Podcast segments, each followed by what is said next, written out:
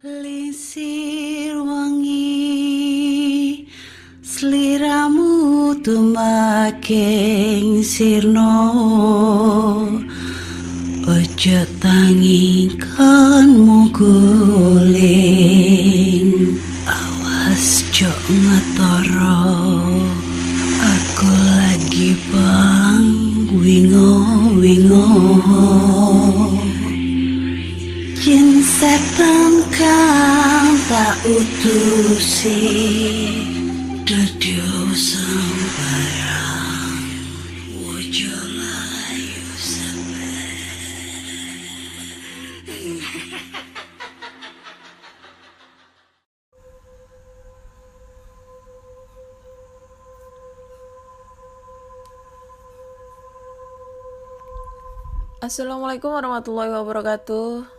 Selamat datang di podcast kisah horor. Nggak semangat deh buat ketawa. Masih bersama dengan Ana di sini akan membacakan cerita horor ataupun email berhantu yang sudah dikirimkan teman-teman melalui podcast kisah horor at gmail.com ataupun DM Instagram podcast kisah horor, DM Instagram Anali, Ana Olive serta Google Form yang ada di bio Instagram podcast kisah horor ketemu di episode 86 dan kali ini aku akan membacakan cerita-cerita horor yang sudah menumpuk banget uh, di email-email nih ya. Banyak banget yang udah dikirim. Sebenarnya sih jadwalnya itu kemarin ya tapi aduh kemarin itu lagi bad mood banget. Sebenarnya juga hari ini tuh bad mood. Capek. Capek ngurusin uh, pekerjaan. Di satu sisi lain juga ya lagi galau lagi susah move on ya. Dan akhirnya tadi tuh uh, capekku galauku terobati dengan aku keluar sama keponakanku. Aduh kangen banget sama ponakan aku.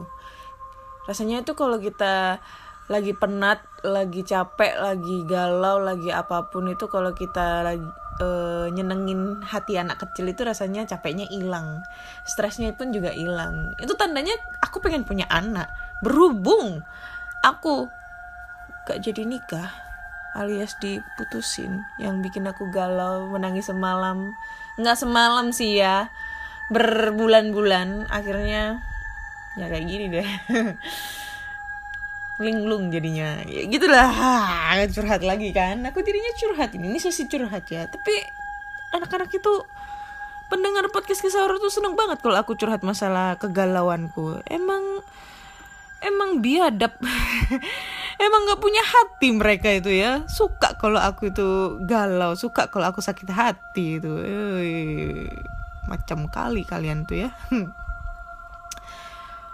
Oke langsung aja ya kita baca-baca cerita karena udah menjelang malam waktunya bobo jadi kita bacakan cerita melalui Google Form dan ya bentar Google Form mana Google Form? Oke. okay.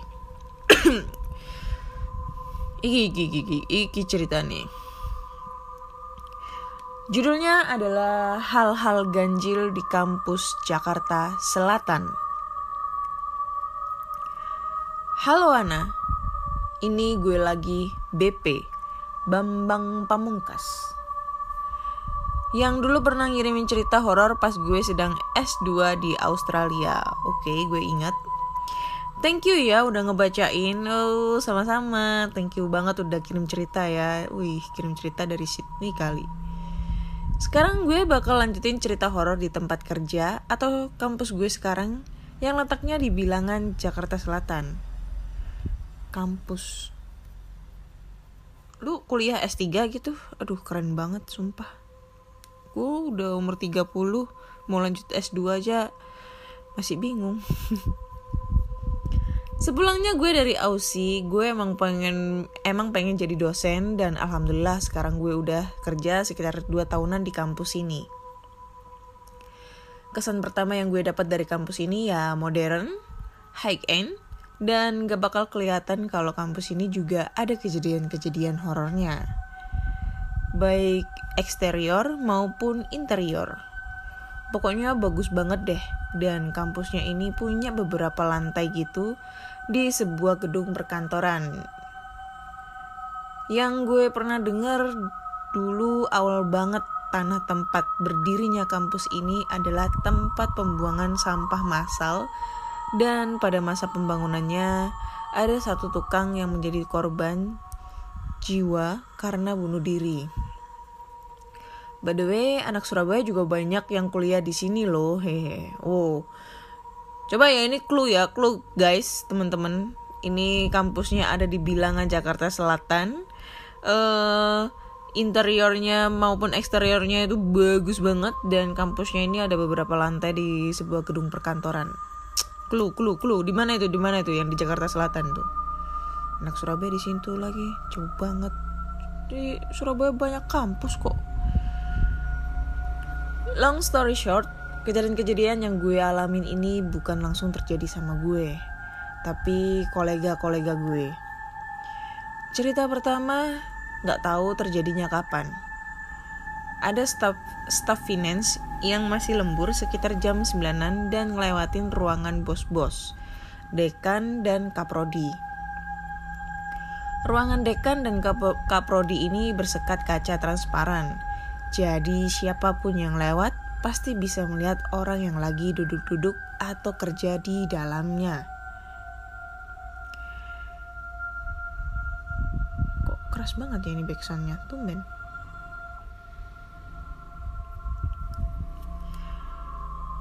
Uh, malam itu staff finance ini lihat di ruangan salah satu kaprodi ada perempuan berambut lurus panjang sedang duduk sendirian. Staff finance ini belum berpikir yang macam-macam. Karena dia pikir perempuan itu adalah mahasiswi yang menunggu dosen untuk janjian bimbingan atau konsultasi. Agak sedikit ganjil mengapa bimbingan atau konsultasi bisa semalam itu. Karena setelah dikonfirmasi ke dosen yang bersangkutan, tidak ada jadwal bimbingan yang dibuat di malam hari. di ruangan dekan-dekan dan kaprodi itu juga suka ditemukan telapak kaki atau tangan anak kecil masih nempel di tembok atau kaca ruangan dan mereka suka terdengar berlari ke sana kemari. Nah, cerita kedua dialami oleh seorang staf admin fakultas dan sebut saja namanya Mbak Yani. Mbak Yani siang itu keluar dari ruangan dekan Fakultas Teknik dan mau kembali ke ruangannya. Karena letak ruang dekan Fakultas Teknik depan-depanan sama ruangan dekan Fakultas Bisnis, Mbak Yani otomatis bisa melihat siapa yang ada di ruangan itu. Mbak Yani melihat ada Pak C, dekan Fakultas Bisnis, sedang duduk tapi mukanya pucet banget. Mbak Yani dengar dari koleganya kalau Pak, Pak C sebenarnya lagi off hari itu. Tapi Mbak Yani kekeh kalau dia lihat ada Pak C di ruangannya. Tapi memang wajahnya pucat pasi. Yang bikin seremnya setelah dikonfirmasi, ternyata Pak C sedang diopname karena sakit. Lanjut ke cerita selanjutnya. Cerita ini gue dapat langsung dari narasumbernya, yakni resepsionis kampus. Sebut saja namanya Mbak Rahma. Mbak Rahma ini jarang-jarang pulang lebih dari jam 5. Cuma waktu itu dia agak sedikit telat karena nanggung nyelesain kerjaan. Belum mal belum malam banget sih, masih di jam setengah enam sore. Posisi meja resepsionis dan mesin fotokopi di lantai itu emang berjauhan dan harus melewati ruangan-ruangan wakil rektor dan ruang meeting. Yang lagi dindingnya terbuat dari kaca transparan. Mbak Rahma waktu itu mau ke mesin fotokopi dan ngelewatin ruang meeting yang kacanya transparan itu. Ruang meetingnya dalam keadaan gelap dan dia ngerasa kayak lagi ada yang merhatiin pas dia melirik ke dalam ruang meeting, dia lihat ada hantu bungkus sedang berdiri mematung memandang Mbak Rahma. Dan gue gak kebayang gimana seriat seremnya diliatin Mr. P. Abis dari kejadian itu, Mbak Rahma lebih memilih jalur memutar yang agak jauh untuk ke mesin fotokopi. Kalau dia terpaksa lembur atau kerja sore. Itu aja Ana cerita-cerita ganjil yang terjadi di kampus tempat gue mengajar. Gue personally suka cerita horor dan gue dikit-dikit suka sharing cerita-cerita horor ke mahasiswa supaya mereka gak jenuh juga. Karena gue dosen komunikasi, gue mendukung podcast-podcast yang dibuat di industri kreatif supaya interest dan dari para generasi muda bisa tersalurkan. Gue juga kadang merekomendasikan beberapa podcast yang gue denger ke, mahasiswa, ke mahasiswa gue, termasuk podcast horor. Sukses terus untuk ngejalanin podcastnya Ana, dan semoga di lain waktu bisa sharing-sharing langsung sama mahasiswa gue di kampus ya. Salam BP. Oke, thank you banget Bambang Pamungkas buat ceritanya. Aci. oh ya, thank you ya kalau misalnya di podcast aku udah di-share ke mahasiswanya. Ah, keren banget deh pokoknya. Ini Mas BP nih keren loh. Usia 29 tahun, dia udah S2 dan sekarang jadi dosen. Sekarang sega apa ya? Sedangkan aku usia 30 eh baru 30 ya. Ini baru berapa hari ya? 30 ya. Nggak nggak tua banget, nggak tua banget kan. baru ada ada berapa hari nih ya? Hampir lima hari di usia 30 eh ya lima hari di usia 30 aku dulu kuliah D3 terus lanjut S1 kemarin niatnya mau lanjut S2 tapi mikir-mikir lagi. Biayanya nggak ada. Tapi alhamdulillah kalau bedanya Mas BP jadi dosen saya jadi guru SMK emang sih ya kampus sekolah atau apa pun itu gedung itu angker banget. Termasuk sekolah tempat aku mengajar itu udah terkenal banget angkernya sih. Teman aku nggak pernah denger ya untuk nggak pernah dengar secara mendetail cerita-cerita mereka ya dari teman-teman yang pernah uh, diganggu waktu ya pernah lah mereka tuh cerita itu pada saat uh, ngurusin berkas untuk akreditasi sekolah itu kan emang nyiapinya sampai malam tuh.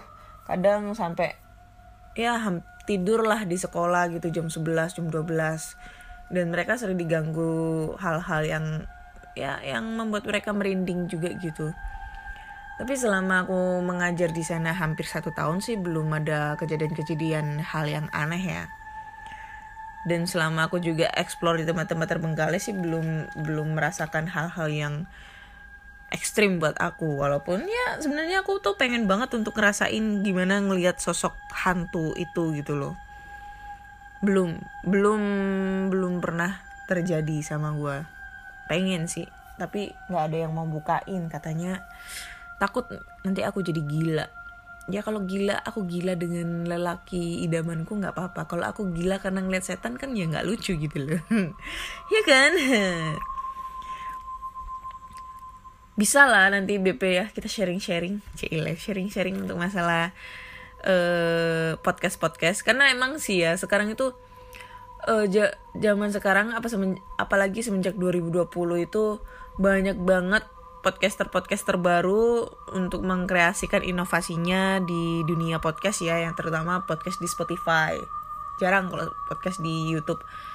Dan sempat sih kemarin aku ikut uh, grup WhatsApp atau mungkin grup Telegram uh, podcaster Indonesia dulu juga pernah ikut uh, satu grup sama Mr. Popo tapi aku keluar sih ya keluar dari grup bukan karena aku sombong atau apa enggak karena di salah satu grup salah satu grup bukan grup yang sama Mr. Popo gitu ya yang uh, kuratornya di UC What I See bukan tapi di salah satu grup itu aku ag agak kurang cocok gitu loh dengan anggota ataupun adminnya jadi ya menurutku lebih baik aku mandiri aja lah mandiri ya insya Allah bisa lah untuk meraih suatu impian yang tercapai.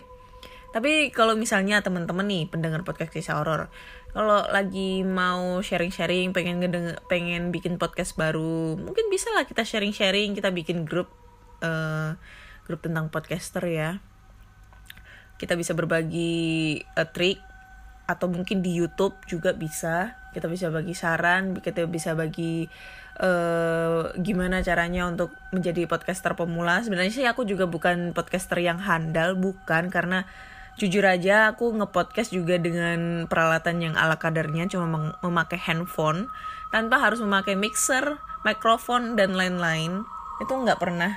Jadi cuma handphone direkam di voice note di memo suara gitu ya. Terus udah deh langsung posting di anchor gitu simple. Tapi ya alhamdulillah. Walaupun simple belibet ceritanya setidaknya banyak banget peminatnya. Alhamdulillah kayak gitu. Ya kok jadi ceramah?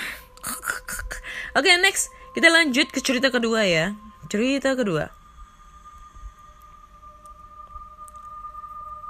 Oke, cerita kedua judulnya adalah penumpang tidak diundang. Waktu sudah menunjukkan jam 4 sore. Aku masih berkutat dengan pekerjaan di kantor. Selain bekerja di kantor, aku mencari tambahan menjadi pengemudi online. Lumayan, iseng-iseng dapat duit. Mengapa tidak pikirku? Biasanya aku mencari penumpang yang searah ke jalan menuju rumahku. Tetapi terkadang jika tidak terlalu lelah, aku akan terima saja ke mana pun. Tidak terasa sudah jam 5 sore. Aku pun langsung merapikan meja dan bersiap-siap untuk pulang. Setelah sampai di parkiran, seperti biasanya aku memanaskan mesin mobilku terlebih dahulu sambil menunggu orderan masuk ke aplikasi pengemudi onlineku. Beberapa menit ada orderan masuk. Langsung aku bergegas ke lokasi penjemputan. Lokasi pengantarannya lumayan sih, tapi tak apalah hari ini. Tidak terlalu lelah badan ini pikirku. Sore ini jalanan sangat padat. Di perkotaan memang selalu padat jika sudah masuk jam pulang kantor. Tetapi hari ini lebih padat dari sebelumnya. Mungkin karena habis turun hujan dan akhirnya aku sampai di lokasi penjemputan. Langsung mereka masuk ke dalam mobil dan aku bergegas pergi. Seperti biasa, aku berbincang-bincang dengan penumpang agar tidak jenuh di perjalanan.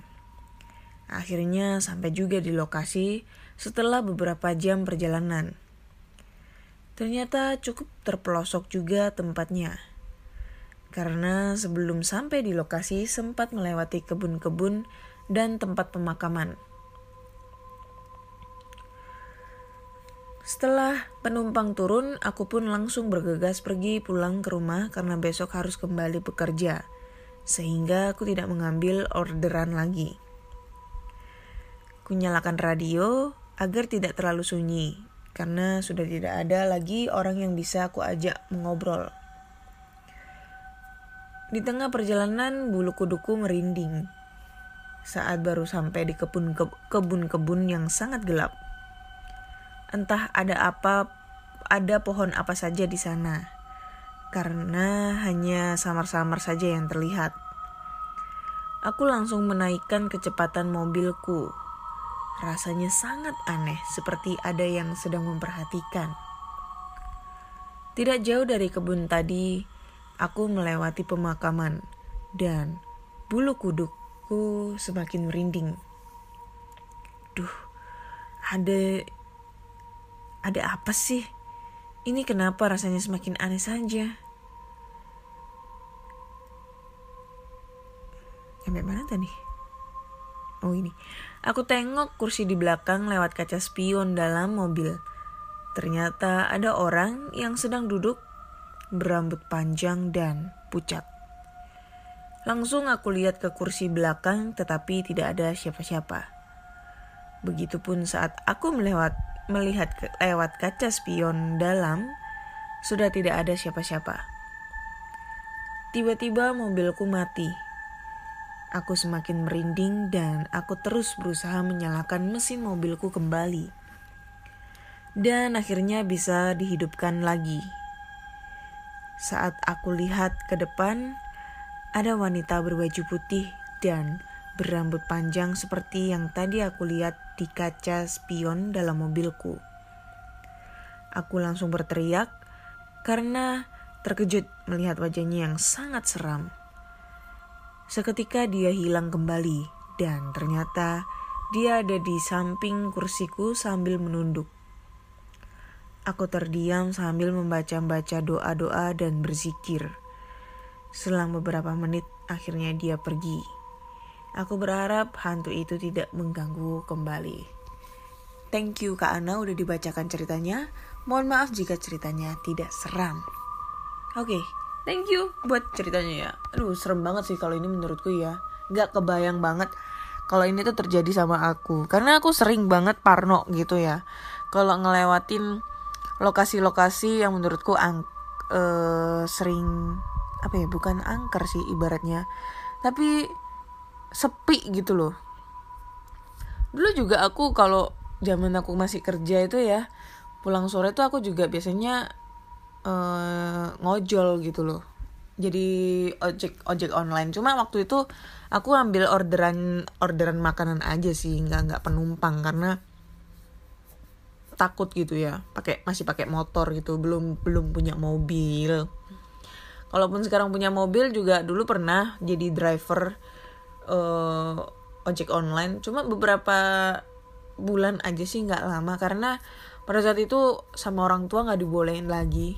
Gara-gara ada kasus di Surabaya itu lagi banyak banget begal driver online itu ya. Apalagi yang supirnya perempuan. Gila sumpah.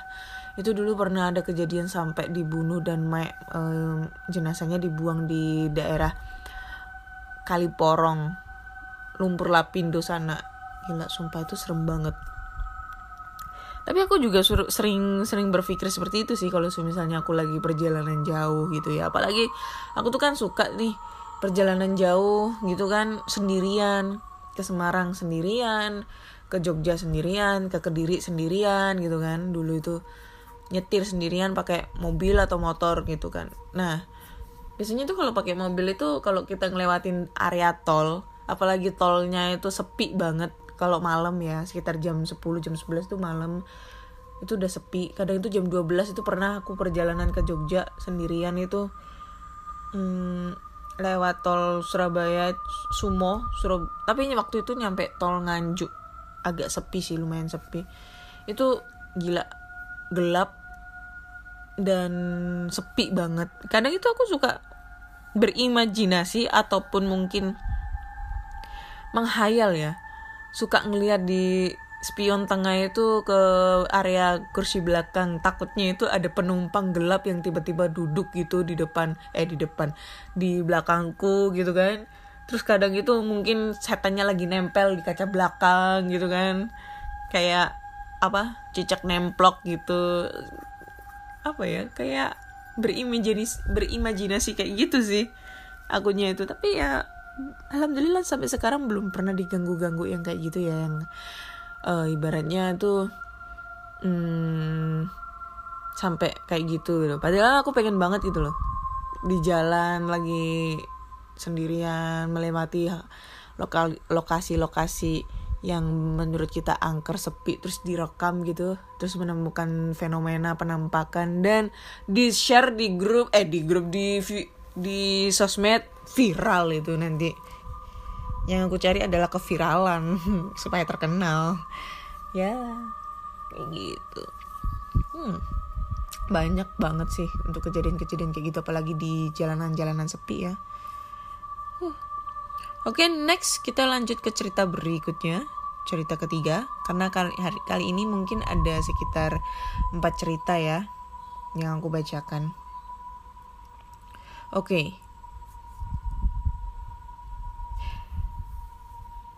Cerita berikutnya yang ketiga itu judulnya adalah Penunggu Gentong Air di Rumah Teman. Halo Kak Ana, ini adalah sebuah kisah nyata yang saya alami tiga tahun yang lalu loh. Suatu hari saya pergi ke Surabaya hingga larut malam. Karena nggak ada bus untuk pulang. Maka teman saya menawarkan rumahnya di Sidoarjo untuk menginap. Teman saya ini bernama Henny. Dia sudah beberapa tahun lebih tua dari saya dan katanya sih bisa melihat penampakan. Namun jujur saja, saya tak percaya walau saya iya-iya. Iya-iya aja kalau diceritain seputar hal tersebut. Saya malam itu sedang sedikit galau. Hari itu saya ke Surabaya untuk bertemu kenalan. Namun apa daya, tidak bisa lama-lama karena dia ada urusan. Saya menyalakan ponsel untuk chatting dengan teman-teman saya via Messenger. Saya sudah sikat gigi dan cuci muka. Surabaya dan Sidoarjo itu begitu panas meski malam hari tiba. Jadi kamar tidur teman saya selalu dibuka jendelanya dan hanya terlindung dengan kasa nyamuk. Kebetulan kamar itu berada di lantai dua. Kipas angin juga sudah dinyalakan. Tapi panasnya masih saja membuat tidak nyaman. Siapa bilang Surabaya udah dingin bro? Gak terima ya, Kak Agung Surabaya ya, gak terima ya. Tiba-tiba saat mau tidur, Mbak Heni mematikan lampunya. Namun tetap menyalakan televisi. Ia kemudian berkata kepada saya, Dek, Nanti kalau ada yang ketok-ketok di tangki, tangki, jangan takut ya. Itu Pak Gentong. Saya sambil masih berkutat dengan HP bertanya, Pak Gentong siapa mbak? Yang nungguin tangki air sebelah. Jawabnya sambil menyisir rambut. Oh, tetangga? Tanya saya lagi.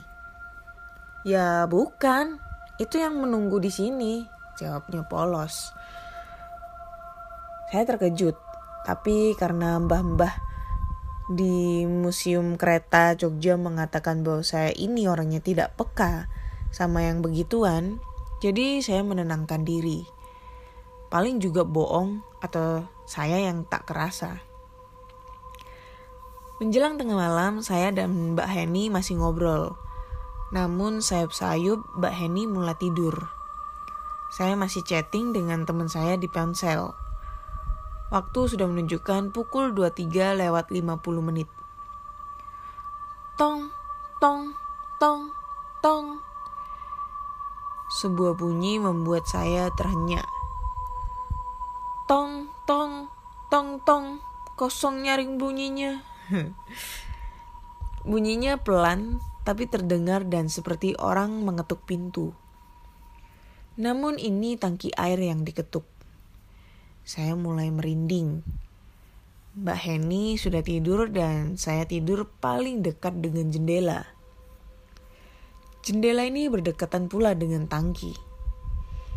Saya takut kalau kalau dari balik kasa nyamuk jendela muncul sesuatu. Akhirnya saya pergi tidur. Ah, sial. Saya tidak bisa segera tidur. Saya berusaha memejamkan mata dan baru bisa terlelap sekitar lepas pukul satu. Saya ingat ketukan itu berlanjut dua kali setelah saya merinding. Keesokan harinya saya bertanya, Mbak Hen, kenapa sih Pak Gentong ketuk-ketuk tangki? Oh, semalam kedengeran ya? Iya mbak, aku sampai merinding mau bangunin Mbak Heni nggak berani. Pak Gentong tiap jam segitu permisi mau patroli di sini. Dia memang yang jaga lingkungan sekitar sini. Jadi nggak usah takut, ujarnya. Saya manggut-manggut, namun saya tetap merinding ingat kejadian semalam. Saya tak lagi remeh terhadap makhluk halus. Siapa bilang orang tak peka, tak bisa melihat atau merasakan hantu. Dulu saya tak percaya akan hantu. Kini saya percaya hantu itu ada. Thank you Kak Ana sudah dibacakan. Oh, Surabaya udah nggak panas bro. Surabaya sekarang hujan, hujan terus. Ya kalau sidoarjo gue nggak tahu. Gue orang Surabaya masalahnya.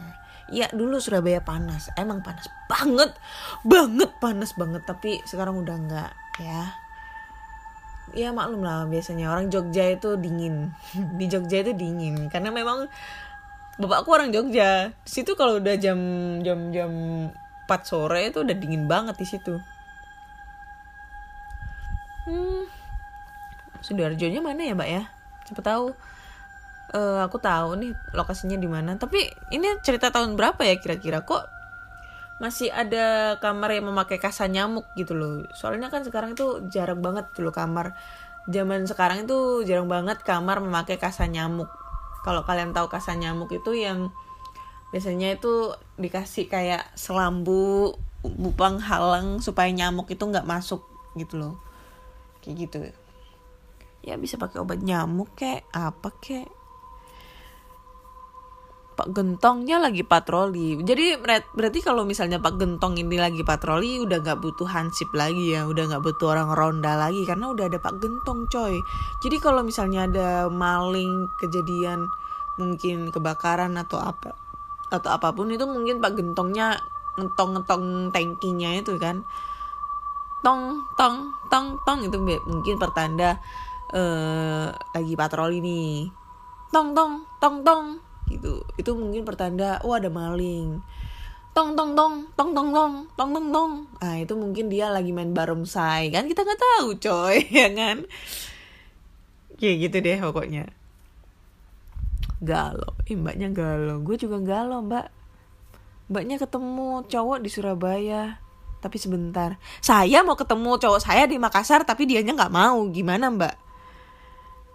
Sedih kan? Sedih banget mbak. Nggak jadi nikah apalagi mbak. Ya Allah mbak. Oke next ya.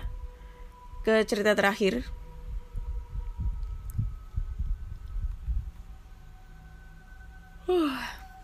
Oke. Cerita terakhir ini yang dari Wisnu yang judul ceritanya adalah pergi ke rumah teman malam-malam check it out Halo Kak Ana, namaku Wisnu. Sebenarnya sudah lama saya mendengarkan podcast kisah horor. Tapi baru kali ini saya kirim cerita. Mudah-mudahan nggak gaje dan menarik. Nggak jelas maksudnya. Dan ini pengalaman saya yang nggak pernah saya lupakan. Saat itu bermula ketika pertengahan tahun 2010 saat liburan kenaikan kelas dan pas malam Jumat Kliwon juga. Semua bermula ketika saya dan teman saya sebut saja si H. H. H. Ketok-ketok dong. Ketok-ketok tembok jam segini. Mau pergi ke rumah temen. Sebut saja dia si I.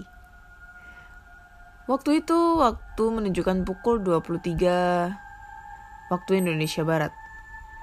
Kami pergi ke rumah I dengan jalan kaki karena motor kami saat itu dipakai orang tua kami pergi ke nikahan orang di kampung. Oh ya, jalan menuju rumah si I itu kanan kirinya hutan.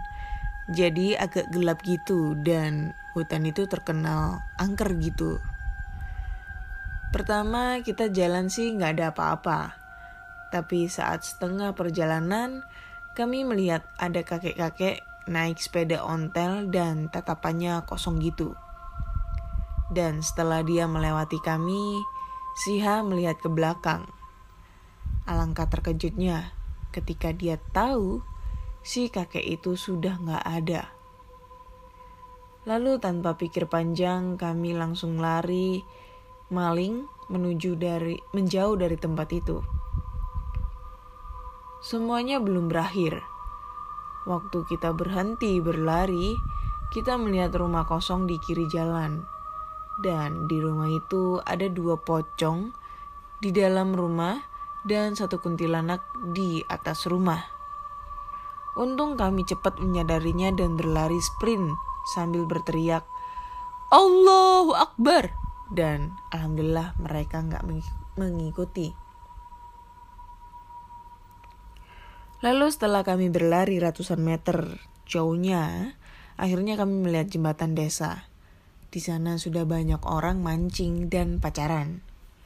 Dan di sana pula kami melihat teman kami si I dan kami langsung menceritakan kejadiannya. Dan kata si I, itu sudah biasa bro bagi orang-orang sini.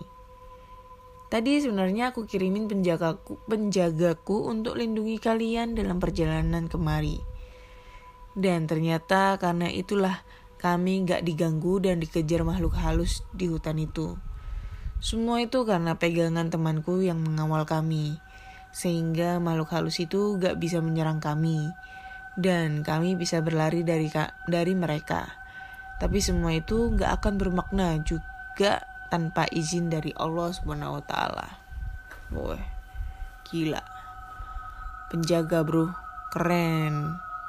Pengawal, makhluk gaib. Bro, gue mau ke rumah lu ya, Bro. Oke, Bro. Oh, ya udah aku jalan kaki nih oke jalan kaki terus si Wisnu sama si H ini jalan kaki. Oh, bro bro bro kakek bro kakek kakek bro. Ya iya bro. Terus lewat. Lu bro kakeknya hilang. Oh my god. Hilang bro. Lari dong. Oh, hilang bro. Eh eh ke situ dulu capek. Oke capek. Terus istirahat di rumah kosong. Ih anjing pocong bro kuntilanak. Lagi trisam kali ya dua pocong satu kuntilanak trisam ini. Terus habis itu mereka pergi dong. Itu si I si I si I gitu. terus dia cerita ini bla bla bla bla bla. Iya bro. Gue tahu. Itu biasa lah bro. Di lokasi itu tuh banyak banget penampakannya. Tapi sebenarnya bro gue tuh udah kirim pengawal gue iya. Pengawal gue bodyguard gue buat buat ngejagain lo lo pada gitu loh kalau mau ke sini tapi aman kan bro? Nggak diganggu kan bro? Cuma ditampakin kan bro? Nggak bro. Aman bro. Ya itu karena pengawal gue itu lagi ngejaga kalian gitu loh. Terus si wah si Wisnu nanya eh bro pengawal lu badannya keker gitu gak atau mungkin uh, bertaring panjang? Atau mungkin kayak gimana gitu terus ya udah nggak bisa jawab lagi aku mau ngomong apa. Gue kayak gila anjing. Ya kayak gitulah. Gila. Kok ini biasanya bisa disebut dengan khodam ya. Tapi ya setiap manusia tuh punya khodam masing-masing gitu loh. Ya kan? Setiap manusia tuh punya khodam masing-masing. Jadi buat Allah ya i lo nggak usah sombong kalau lo punya bodyguard saya juga punya pelindung. Pelindung saya cuma Allah subhanahu wa taala. Eh mantap kan? Sama pacar saya tapi lupa kalau saya sudah nggak dianggap lagi. Oke okay. kayaknya udah selesai deh ceritanya. Ini udah empat cerita yang udah aku bacakan. Dan masih banyak banget sih ceritanya yang belum aku bacakan. Cuma mungkin ada di sesi berikutnya ya di episode yang terbaru 87 jadi cukup sekian dulu lah episode 86 sudah empat cerita yang aku bacakan. So buat teman-teman semua yang mempunyai cerita-cerita horor entah itu pengalaman sendiri kakak adik ayah ibu dan siapa pun itu kalian bisa langsung aja kirim ceritanya ke podcast kisah horor at gmail.com ataupun di DM Instagram podcast kisah horor DM Instagram mana Olive serta Google Form yang ada di podcast kisah horor dan jika uh, apalagi ya Oh ya, jangan lupa follow Instagram podcast kisah horor agar followersnya itu banyak supaya bisa swipe up gitu kan. Siapa tahu bisa dapat endorsean kan. Amin gitu loh. Secara ke podcast itu juga kan dapat duit cuy. Kita dapat podcast itu dapat duitnya cuma sekali aja di Spotify di Anchor. Selanjutnya kalau lu pada ngupload di YouTube pasti dapat duit gitu tergantung sih ada pendengarnya apa enggak jadi silakan kalian mampir ke podcast kisah horor yang ada di Spotify. Jangan lupa klik tombol follow agar kalian selalu update cerita-cerita horor terbaru. Akhir kata saya Ana.